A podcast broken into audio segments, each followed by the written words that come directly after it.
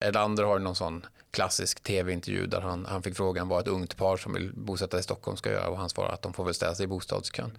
Och där är vi ju igen liksom, eh, så, så någonting måste man göra och subventionspolitiken är ju död. Det kommer man inte, man kommer inte bygga ett nytt miljonprogram. Det är jag helt övertygad om. Det finns liksom ingen, inte ens Socialdemokraterna skulle nog vilja göra det. Så då är frågan vad ska man göra istället?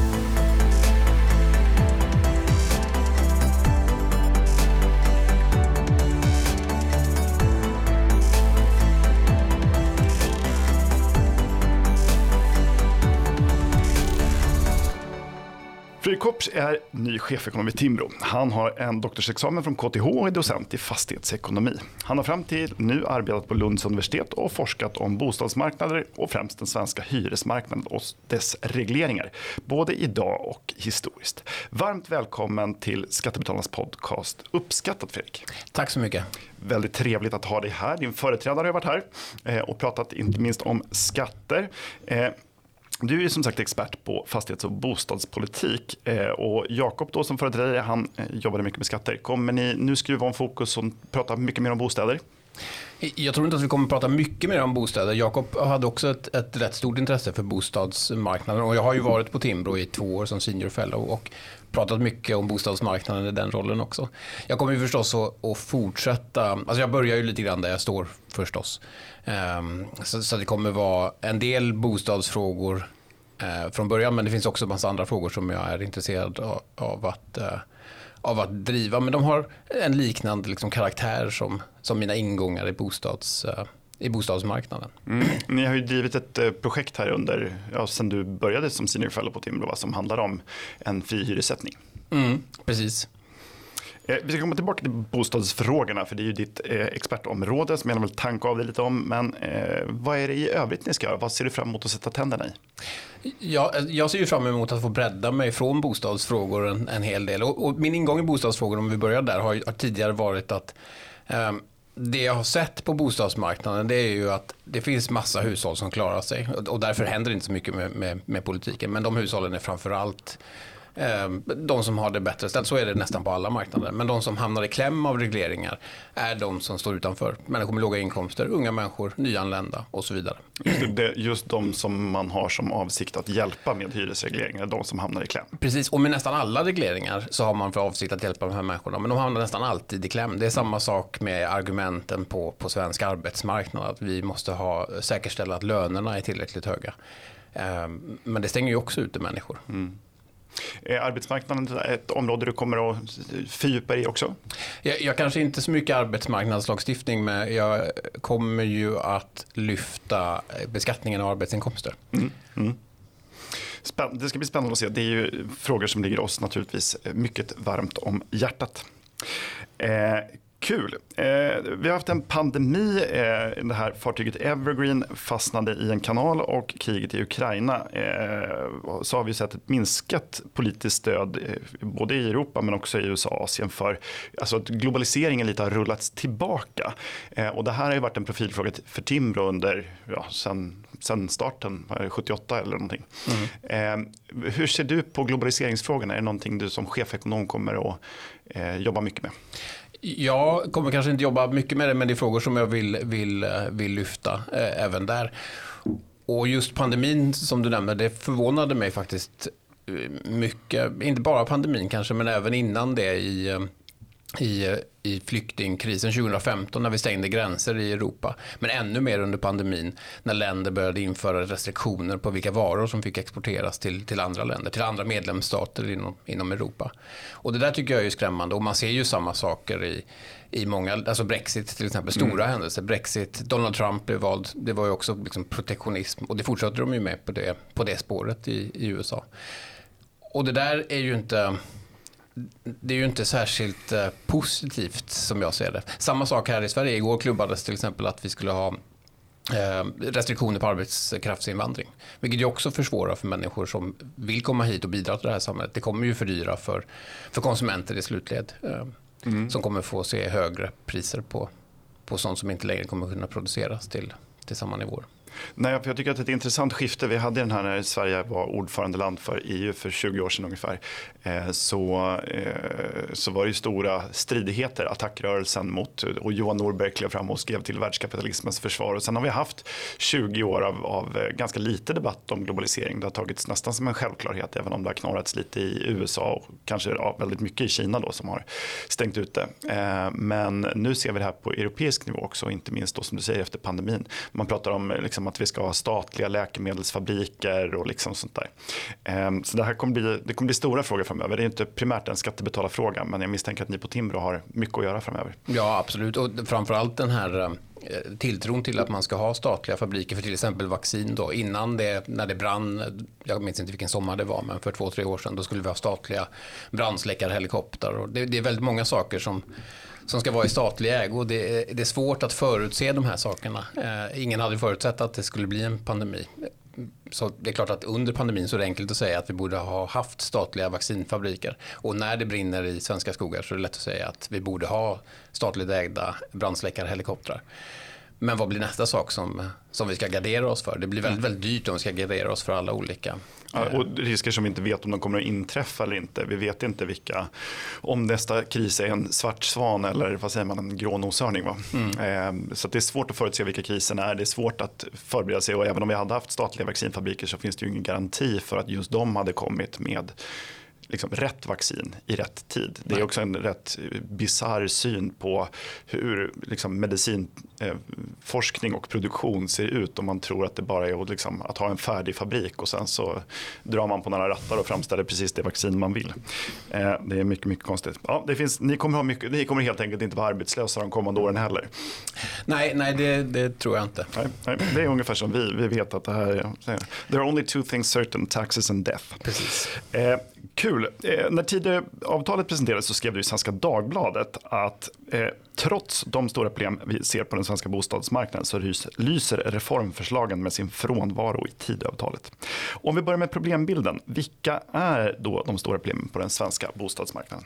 Ja, det första man kan börja med, eh, tycker jag, och det är det som jag har spenderat mest tid med de senaste, ja, nu kanske det är tio år rent av, är, är ju hyres, eh, hyresregleringen. Den gör ju att vi får en, en väldigt eh, konstig fördelning av, av hyreslägenheter. Vi har haft hyresreglering väldigt länge. Vi började under första världskriget, så 1917 23 så hade vi en hyresreglering. Och sen när det kommer till världskriget 1942 så införde vi hyresreglering igen.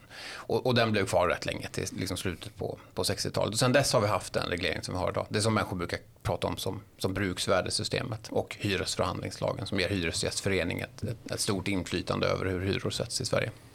Men vi behöver inte prata så mycket om, om liksom hur lagstiftningen eh, ser ut. Det, det, tror jag kanske hör hemma i ett annat forum. Men, men, det som händer med den här lagstiftningen och alla de här typerna av lagstiftning är att hyrorna har blivit, eh, särskilt i liksom Stockholms innerstad eller Göteborgs innerstad, även i Lunds innerstad där jag bor eller helt i större delen av liksom Lunds kommun, närheten av stan. Alla expansiva städer så är hyrorna mycket, mycket lägre än vad, vad de hade varit om människors betalningsvilja hade fått slå igenom. Vilket gör att vi får jättelånga köer.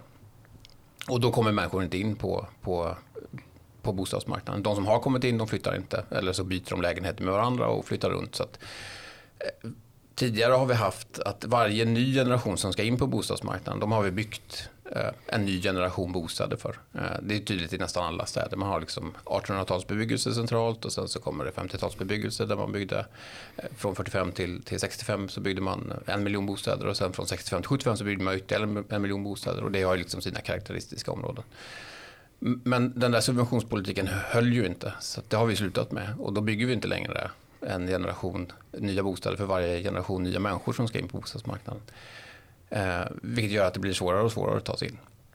Eh, så det där, det är ju liksom hyresmarknaden är ju ett jättestort problem. Vilket ju nog har varit ganska okej okay, så länge som priserna på den ägda marknaden var någorlunda humana så att människor kunde köpa. För från slutet på 60-talet så avreglerades bostadsrättspriser till exempel. Det gjorde att man kunde köpa bostadsrätter helt plötsligt. Och då har man kunnat klara sig på, på bostadsmarknaden. Men sen har priserna stegrats mycket där, vilket har gjort att politiker har blivit oroliga över att priserna stegras för mycket och då har man infört amorteringskrav och man har infört bolånetak och man gör det svårare och svårare för människor att ta sig in på, även på den ägda marknaden. Vilket gör att vi får ju en, en, större och större grupp som inte kommer in eh, någonstans. Eh. Men eh, det här systemet är avsett då för att skydda dem med låga inkomster. Hur är det, men, bor inte de i hyresrätter? Då? Jo, det gör de ju. Eh, så om man börjar liksom, de som inte kommer in alls, de, de bor ju typiskt sett i andra hand. Eh, så där, där blir det nog tydligast att se hur det här systemet verkligen skälper människor med låga inkomster. För andrahandshyror är ju, är ju inte reglerade på samma sätt. När man hyr ut en bostadsrätt i andra hand så får man ta ut en, en skälig ersättning för sina kapitalkostnader. Så de, de hyrorna är högre. Stockholms handelskammare släppte en rapport för en månad sedan där de tittade på andrahandshyrorna jämfört med förstahandshyrorna och det visade sig att i genomsnitt i Stockholm så är andrahandshyrorna 99% högre. Eh, vilket ju innebär att den gruppen som, som inte kommer in på hyresmarknaden men som vill in på hyresmarknaden, de tvingas till andrahands och får betala dubbelt så höga hyror. Mm. Eh, men samma sak när, man kommer till förstahandsmarknaden. Där är ju liksom allokeringssystemet för lägenheter är ju inte så att, att det premierar människor med låga inkomster. Vi har ju typiskt sett så får man en, en lägenhet via, via kö och ska man in då i en, en billig lägenhet Eh, i ett attraktivt område. För det här brukar ju vara, brukar ju vara ett av de, de starkare argumenten. Att vi vill motverka segregering. Så hyrorna i, i väldigt attraktiva områden som på Östermalm i Stockholm där hyrorna hade varit jättehöga med fri hyressättning. Om vi håller nere dem, då kan även människor med låga inkomster bo där. Men där är kötiderna 20-25 år långa. Och de enda människorna som kan stå i kö i 20-25 år det är ju människor som, som, faktiskt kan lösa sin bostadssituation på något annat sätt under tiden. Alltså man kan köpa en bostadsrätt, man kan köpa en villa och sen har man det där som en pensionsförsäkring. Just det, och det är ju i alla fall för de som bor i Stockholm eller andra storstäder så är det ett väldigt vanligt fenomen. Mm. Man ställer sina barn i bostadskö fast man själv bor då i villa eller bostadsrätt och så hoppas man att de ska få en schysst hyreslägenhet när de börjar plugga. Men för den som flyttar till Stockholm i vuxen ålder och inte har planerat att bo här är det hart när omöjligt att ta sig in. Mm. Och då är man förvisad då till eh, mindre attraktiva områden men med lika höga hyror. Ja, precis. Och där har det visat sig. Finanspolitiska rådet släppte en rapport 2019 eller 2018, jag minns inte vilket. De släppte rapporter två år i rad om hyresmarknaden. Där de visade på vad hyreseffekterna skulle bli om vi gick över till ett friare system. Mm. Och då fanns det områden även i, i Stockholm där man kan förvänta sig att hyresnivåerna antingen att de bara är konstanta eller att de till och med sjunker lite grann. Med, med några procentenheter. Mm. Och varför är det här systemet kvar om det så uppenbart inte funkar? Ja, det finns ju jättestarka intressen och så här är det ju genom hela bostadspolitiken. Jag skulle säga inte bara bostadspolitiken men liksom nästan all politik. Det finns väldigt starka intressen som, som är intresserade av att skydda de privilegier som de har fått genom systemet. Och här är det ju, bostadsmarknaden blir ju väldigt tydlig, precis som arbetsmarknaden blir väldigt tydlig. Där har vi fackföreningarna, på bostadsmarknaden har vi Hyresgästföreningen. De, bara i den lagstiftade eh, förhandlingsavgiften som de tar så, så, är det en intäkt på 200 miljoner kronor per år. Det är ju väldigt mycket pengar. Det är klart att man är intresserad av att bevara en sån lagstiftning. Mm, det är ganska solklart. Eh, vad ska man göra då med de som inte har råd att bo? Alltså de som, de som de är, det här systemet är avsett att skydda, det vill säga de som har lite pengar. Ja, mitt förslag som jag skrev om i Svenska Dagbladet, som jag har återkommit till ganska många gånger, det är att man behöver någon form av någon form av omfördelning. För det tror jag nog att vi är överens om i, i Sverige. Att vi, vi, vi vill omfördela från de som har resurser till de som inte har resurser. Och då finns det ju massa olika system att göra det med. Vi har bostadsbidrag idag till exempel. Men det har dels halkat efter, dels så, så finns det en del fastighetsägare som inte de exkluderar människor med bostadsbidrag vilket gör att man ändå inte får använda dem. Och, och framförallt så kommer ju de här människorna inte åt några lägenheter så att då kan man inte få bostadsbidrag heller. Mm. Ehm, så jag tror att man i större utsträckning skulle behöva gå över till ett system där man har lägenheter som man, som man delar ut till människor med, med lägre inkomster. Ett system som man har i många andra länder. Det brukar kallas för, för social housing. Mm. Eh, men det går inte att bygga, man pratar ju ofta om så här, nu måste vi bygga bort den här krisen. Kan ja, det funka? Ja, det sa bostadsministern i, i söndagens agenda. Så sa mm. vi ska bygga bort eh, bostadsbristen. Nej, det går inte att bygga bort en bostadsbrist som, som eh, som alltså består i att, att man har eh, reglerade eh, hyror. Det är liksom i stort sett där den, den uppstår. Och, och det ser vi ju liksom i uh, som ny, om man tittar på nyproduktionsmarknaden, eh, då, då, är det ju det är inte jättesvårt att få tag i en nyproducerad lägenhet, inte ens i Stockholm. Ehm, även om det, det, krävs en del kötid här, men runt om i landet så är det enkelt att få tag i nyproducerade lägenheter, för hyrorna är väldigt höga. Och det är inte svårt att hitta en nyproducerad bostadsrätt om man vill ha det. Det är bara att priserna är, är väldigt, väldigt höga.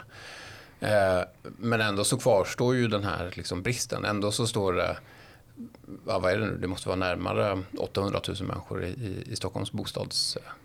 Mm. Så det, det, går ju liksom inte. För, för det man köar till är ju inte bara en lägenhet vilken som till vilken hyra som helst. Utan det är en subvention, eller en Precis. artificiellt lågt satt hyra man ja. köar till. Och ska man då bygga bort, alltså det, det, är väl i någon mån så finns det väl en, en möjlighet att liksom teoretiskt göra det. Men man skulle ju behöva subventionera så mycket att, att eh, hyrorna blev, blev, blev så låga att, att de blir attraktiva för människor att, att flytta in i. Och det, jag menar, det, inte ens miljonprogrammet som var oerhört dyrt lyckades med det här. Så att jag vet inte hur dyrt det skulle bli, men, men väldigt dyrt. Nej, och jag brukar göra analogin med brödköer i Östeuropa. Det är precis samma, prisregleringar får de här problemen. Alltså pris, när prismekanismen sätts ur spel så kommer man få, då blir det ransonering och köer som är resultatet. Mm. Och så är det på oavsett vilken marknad du väljer. Mm. Eh, så att, eh, det är intressant. Eh, förutom då, du eh, pratade om social housing, då, en social bostadspolitik, så eh, har du två andra reformer du föreslår. En stärkt äganderätt och, eh, till mark och att avskaffa hyresregleringen. Eh, om vi tar de då två eh, sista här. Eh, stärkt äganderätt till mark, hur ska det genomföras? Och vad löser det på den svenska bostadsmarknaden? Ja, och där har vi ett av de stora problemen, kanske ett av de, ett av de största problemen. Så hyresregleringen gör ju att, att, att människor inte kan flytta in i lägenheter som, eh, som finns. Men eh, när lägenheter ska byggas i Sverige så, så, är det en oerhört komplicerad process. Och, och framförallt så är det kommunerna som bestämmer vad som ska byggas och var det ska byggas någonstans. Eh, de har ett kommunalt planmonopol helt enkelt. Där de kan planera fram all möjlig bebyggelse. Och det stora problemet där är ju att kommunala politiker de är intresserade av att bli omvalda. De är intresserade av att, att eh, tillgodose de människorna som råkar bo i kommunen för tillfället, deras intressen. Men inte liksom, människor som inte är födda idag eller människor som bor i andra kommuner. Eh, vilket gör att man ganska enkelt kan inskränka eh, markanvändningen. Så om en fastighetsägare äger ett, ett, stycke mark och man vill bygga bostäder och det går att sälja bostäder och hyra ut bostäder där så måste man ändå ha, ha kommunens lov att, att göra det. Men man skulle kunna tänka sig att vi flyttar makten till den som äger marken istället. För då får vi en mer effektiv användning. Är det lönsamt att bygga bostäder, är det lönsamt att bygga kontor eller är det lönsamt att inte bygga någonting alls? Men då kommer det inte bygga någonting alls. Men det som är lönsamt att byggas kommer ju att byggas av den som, som har de ekonomiska intressen av att, av att bygga någonting. Eh, så det skulle få fart på byggandet. Och det är nog egentligen det enda som jag ser som, som skulle kunna få fart på, på byggandet. På ett, ett sånt sätt att det byggs saker som människor faktiskt efterfrågar.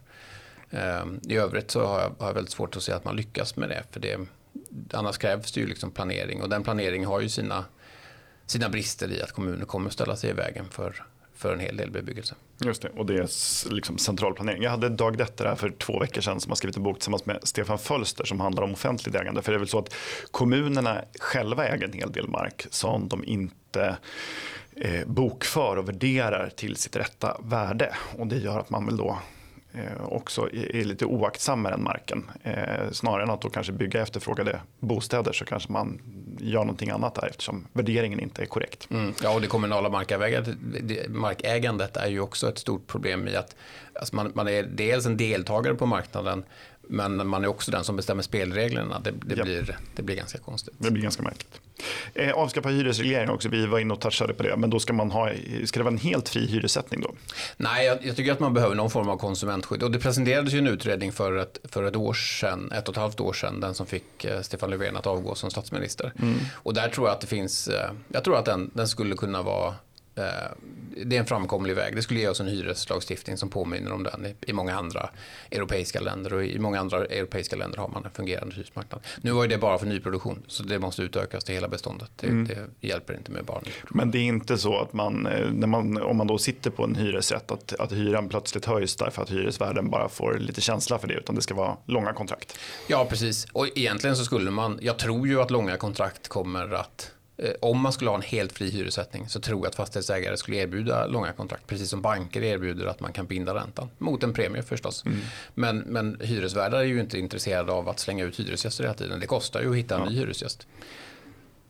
Precis, och det, ja, det ökar slitaget. Du har sagt att fri hyressättning minskar behovet av nyproduktion och stävjar incitamenten till resursslöseri i renoveringar. V vad menar du med det? Ja, alltså dels då att om Eh, Eh, ett av problemen med hyresreglering är att, att folk slutar flytta. Så att man flyttar inte när man, eh, även om man, även om man skulle behöva det. Så man kan bo kvar i en, en jättestor lägenhet för att, att det finns inga andra lägen att hitta, eh, lägenheter att hitta och, och den där lägenheten är inte nödvändigtvis så dyr. Eller så kan man göra så att man behåller, och där har jag rent anekdotiskt tror jag har tre eller fyra personer i min bekantskapskrets som, som som har lägenheter i centrala Stockholm men som har flyttat till andra delar av Sverige. Men man säger inte upp de där lägenheterna för att, det, att de kostar kanske 3 eller 4 000 kronor i månaden. Det är två hotellnätter. Mm. Eh, och, och, det är man väl i Stockholm. Liksom, eh, ja, inte gemene man förstås, men, men människor i min bekantskapskrets tenderar att vara det en, en del. Så då står det en massa tomma lägenheter. Eh, men med fri hyressättning så kommer, då finns det inga incitament att behålla de här längre. För dels så är det enkelt att hitta en lägenhet, dels kommer de liksom att kosta vad det kostar på, på marknaden. Ja. Um, jag, flyga, jag kommer från Flen, där hade jag flera i min bekantskapskrets vars föräldrar hade en sån teaterlägenhet. Så när de var uppe och tittade på teater någon gång i månaden så behöll de den här lägenheten.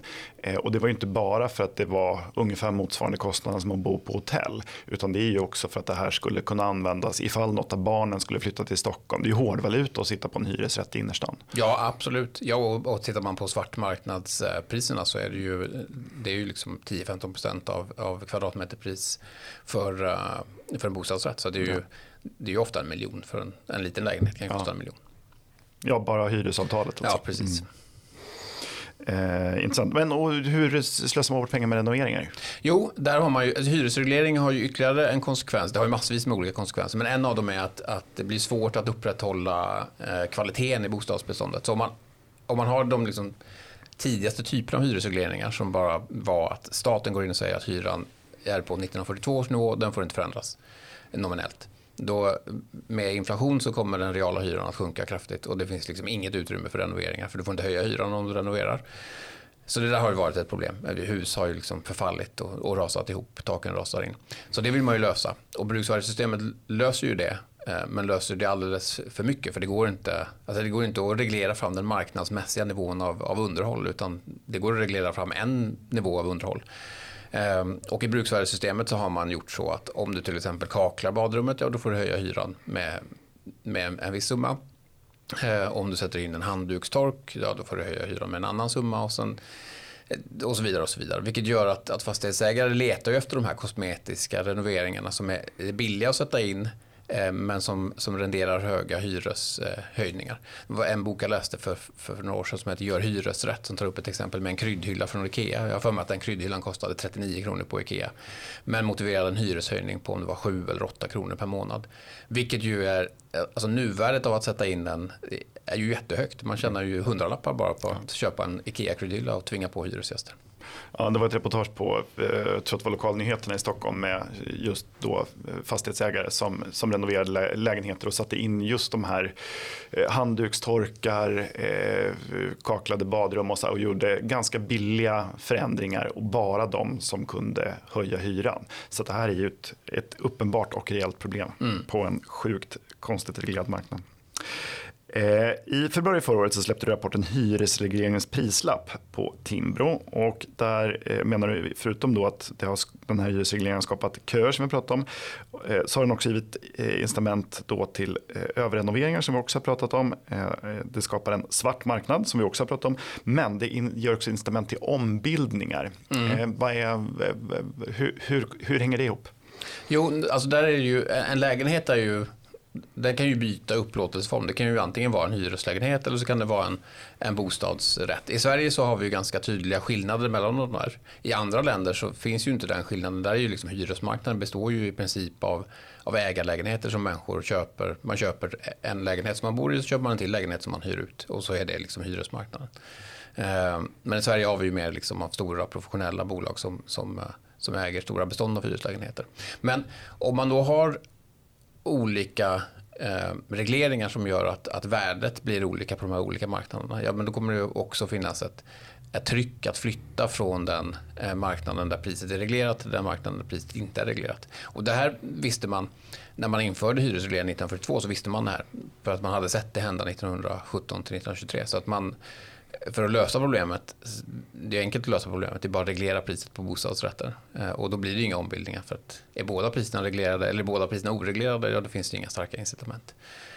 Ehm, men i slutet på 70-talet tog man bort regleringen på bostadsrätter, vilket är positivt. Mm. Annars hade, annars, hade, annars hade folk inte kunnat flytta till Stockholm alls. Nej. Då hade man fått köpa villa. Ja, det var också reglerat. Ja, det, var också reglerat. alltså, det var ju verkligen Sovjet. Alltså, det var helt galet. Ja, ja jo, precis. Jo, så det var ju, man fick finnas, vi hade fått fortsätta bygga en, en generation bostäder för varje ny generation helt enkelt. Mm. Det, finns, det finns inget annat alternativ när man reglerar allt. Um, men så i, i, Stockholm, där Stockholm har ju det här varit, varit störst. Eh, och det är ju för att skillnaden mellan mellan den reglerade hyran och, och en marknadsmässig hyra eller liksom betalningsviljan för, för bostadsrätter är som störst. Eh, och det är ju liksom en, en, det är en win-win affär för, för fastighetsägare och hyresgäster. För hyresgästerna får ju köpa lägenheten till ett, till ett pris som är lägre än vad det hade kostat att köpa motsvarande bostadsrätt. Och fastighetsägaren får ju sälja hela huset till ett pris som är högre om, om du säljer till någon annan som ska driva det som, som hyreslägenheter. Eh, så båda vinner på den här affären. Just det. Och det, i Stockholm hade vi inte minst för ungefär 20 år sedan så hade vi ju eh, omfattande ombildningar därför att mm. det var andra sätt att tjäna pengar. Och det var många som gjorde bra klipp på de ja, affärerna. Ja, precis. Ja, och eh. nu, eh, man har ju försökt i, i ytterförort och där är det ju svårare eftersom att man ska ha med sig stora delar, det ska vara en kvalificerad majoritet av de som bor som mm. röstar för. Eh, sen behöver inte alla köpa, men, men oftast så blir det ju så. Men, men när det är om det är människor med låga inkomster så blir det svårt eftersom att de kommer inte få, även om det är, det är liksom generösa eh, erbjudanden om att köpa ganska billiga lägenheter så är det svårt att få lån ändå. Just det. Eh, du konstaterar att kostnaden för samhället är 20 miljarder per år för den här reglerade eh, hyresmarknaden. Vad består de här kostnaderna av? Ja, den stora delen, det är två olika delar. Den ena delen är att det inte byggs tillräckligt mycket bostäder. Men det har inte blivit ett jättestort problem eftersom att vi på olika sätt har subventionerat fram det. Och så försöker vi hitta ny lagstiftning som gör att man ska få ha lite högre hyror i, i, eh, i nyproduktion och sådär. Eh, men den absolut största är ju den här liksom felfördelningen av lägenheter. Människor som inte värderar lägenheter särskilt högt får bo i dem. Precis som, ja, men, som både du och jag känner människor som, som har lägenheter i Stockholm som de inte bor i. De värderar ju inte dem särskilt högt. Hade de betalat 10 000 kronor i månaden för en lägenhet som man är i en natt per månad i genomsnitt. Ja, då hade man ju sagt upp den omedelbart. Ehm, men, men, eh, men så fungerar det ju liksom inte nu. Så de har ingen särskilt hög värdering av det där. Medan det finns andra människor som har en hög värdering som skulle kunna vilja flytta in i den men som inte får. Så där blir det liksom ett, som nationalekonomer säger, ett konsumentöverskott som inte realiseras. Mm. Um, och, och, det är liksom den stora samhällskostnaden. Jag tror att den summerade till 18 miljarder. Nästan. Just det, 90 procent av den mm. kostnaden. Ja, det är ju rätt mycket pengar kan man säga. 20 miljarder är ju inte kaffepengar direkt. Nej, precis. Och det har ju dubblerats. Så det jag gjorde då i februari för ett och ett halvt år sedan, det var ju bara att, att uh, använda nya siffror på en rapport som Boverket släppte tio år tidigare. Mm. Uh, och när de gjorde det 2011 så, så visade det sig att samhällskostnaden var 10 miljarder. Så det har dubblerats på en tioårsperiod. Ja. Vilket, uh, det är eh, hemska pengar och eh, mycket eh, liksom, mänskligt, jag ska inte säga lidande, men det är stora problem som det här för med sig för vanliga svenskar. Mm. Vi pratade om ombildningar förut. Vad är det som är negativt med det? Är inte det här ett sätt att lösa Eh, problemen. Om vi har en reglerad hyresmarknad, är det inte bra att det ombildas fler bostäder? Jo, jo det är det ju. Eh, men, alltså det, det är tudelat. Det, det, blir ju bättre eftersom att lägenheterna kommer ju att nyttjas effektivt. På bostadsrättsmarknaden så fördelas lägenheterna efter betalningsvilja. Den som värderar dem högst flyttar in i dem. Eh, så det är ju positivt. Men det finns ju också ett värde i en, en, en hyresmarknad. Men en fungerande hyresmarknad förstås. Men ju fler ombildningar vi har desto svårare kommer det vara att gå tillbaka till en, till en oreglerad hyresmarknad. För det kommer inte finnas några lägenheter längre på den där hyresmarknaden. Eh, för det finns ju stora skillnader. Att äga sitt boende det, det är ju det är positivt om du vet att du ska bo på samma plats under, under lång tid. Då kan du, liksom, då kan du göra det. Men, men det är ju förknippat med finansiella risker. Så behöver du flytta Människor som köpte för ett eller två år sedan och behöver flytta nu. Det kommer ju vara ett, ett problem. Priserna har ju, har ju sjunkit. Eh, eh, vilket gör att man, man kan förlora på det. Men, men kan man bo kvar länge så är det lugnt. Där erbjuder hyresmarknaden ett jättebra eh, alternativ. Det är väldigt låga transaktionskostnader. Du tar ingen finansiell risk. Det är bara att säga upp lägenheten. Du har tre månaders uppsägningstid och så kan du, kan du flytta ut.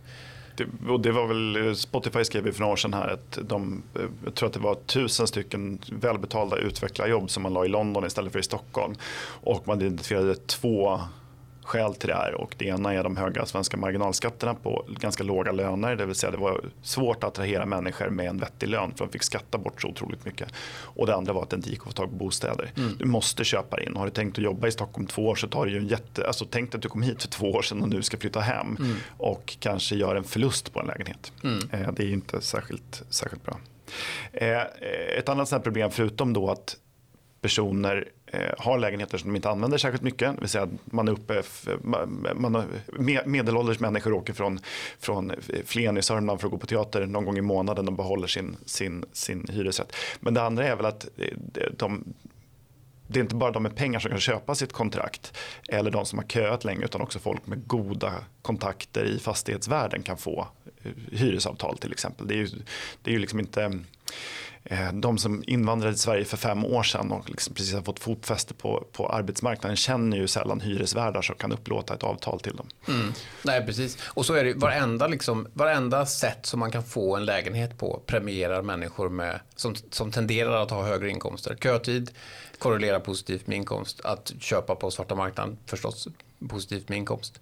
Att ha kontakter inom liksom, fastighetsägar-Sverige positivt med inkomst. Det, det, det finns inga det finns inga mekanismer i det här systemet som, som hjälper dem som har dåligt, nej, som, har, nej, som, som, har lite pengar. Nej, och jag har ju till och med eh, haft bekanta, i och för sig för ganska länge sedan, där det var alldeles upp där man har fått banklån och där banken förstår att det man ska köpa inte är en ett andel i en båt utan är ett kontrakt man ska köpa om man har glatt lånat ut pengar så länge du kan liksom, vi, på något sätt göra det lite troligt att du ska använda pengarna till någonting annat. Mm.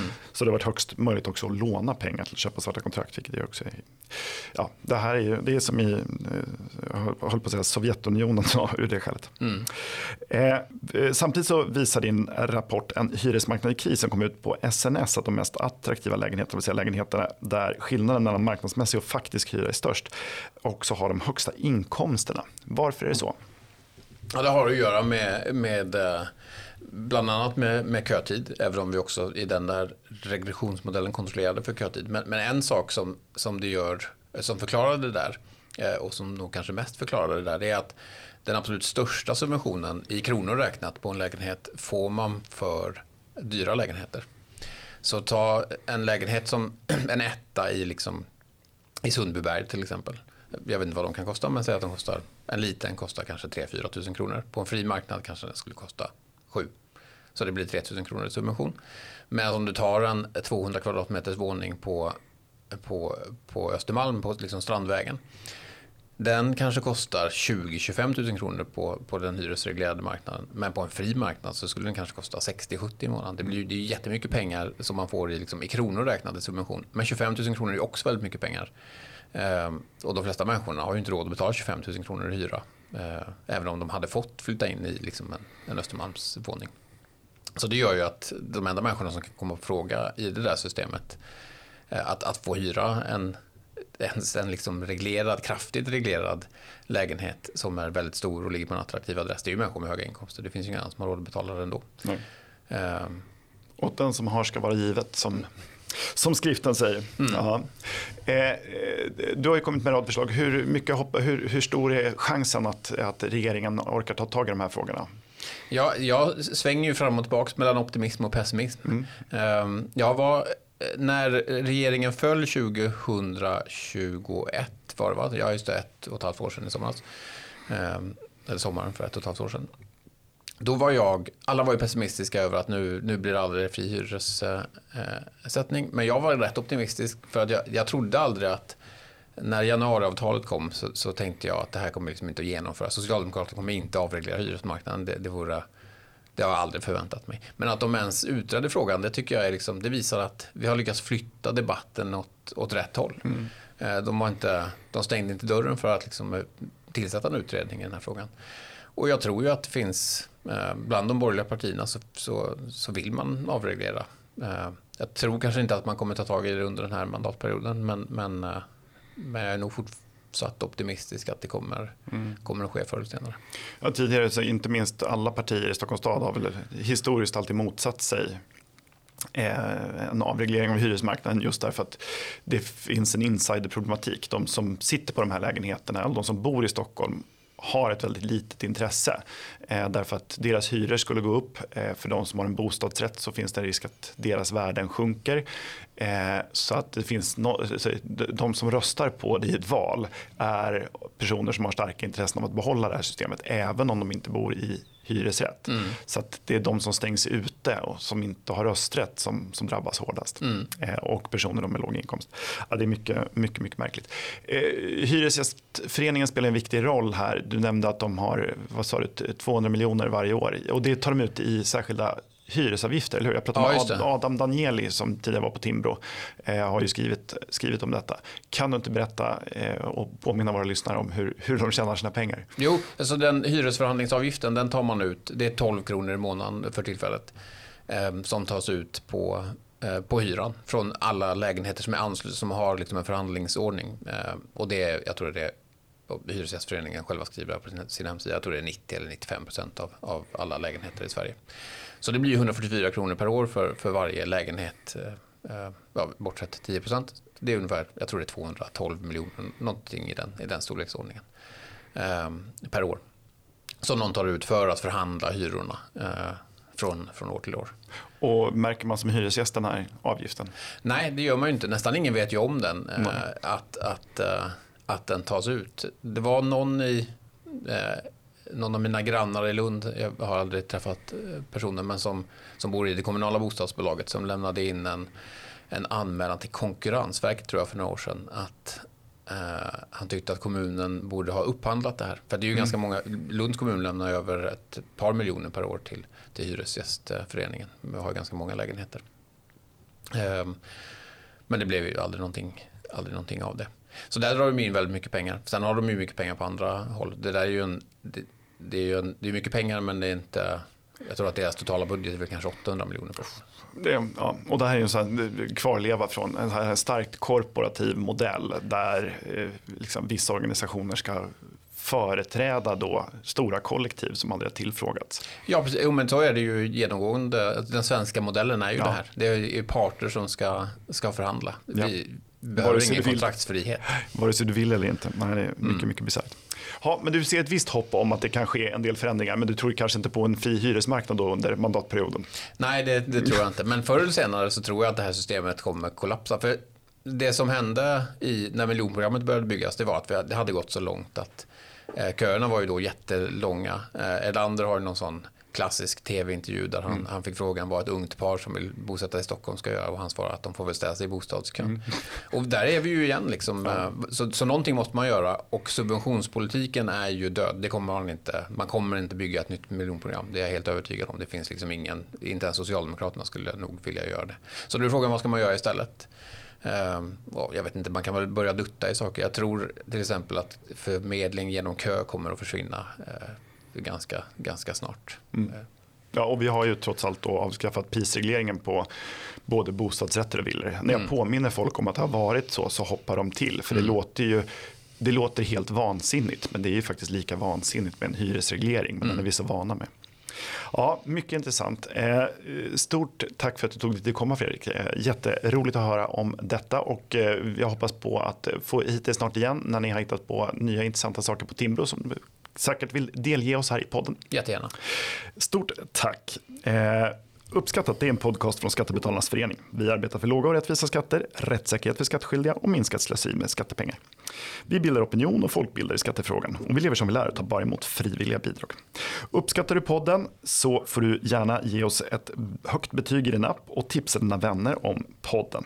Vill du också medverka till att Sverige blir ett land med minskat slöseri och rimligare skatter så stödjer du oss enklast genom att bli medlem. Läs mer om medlem på www.skattebetalarna.se bli medlem. Till nästa vecka, ha det så bra.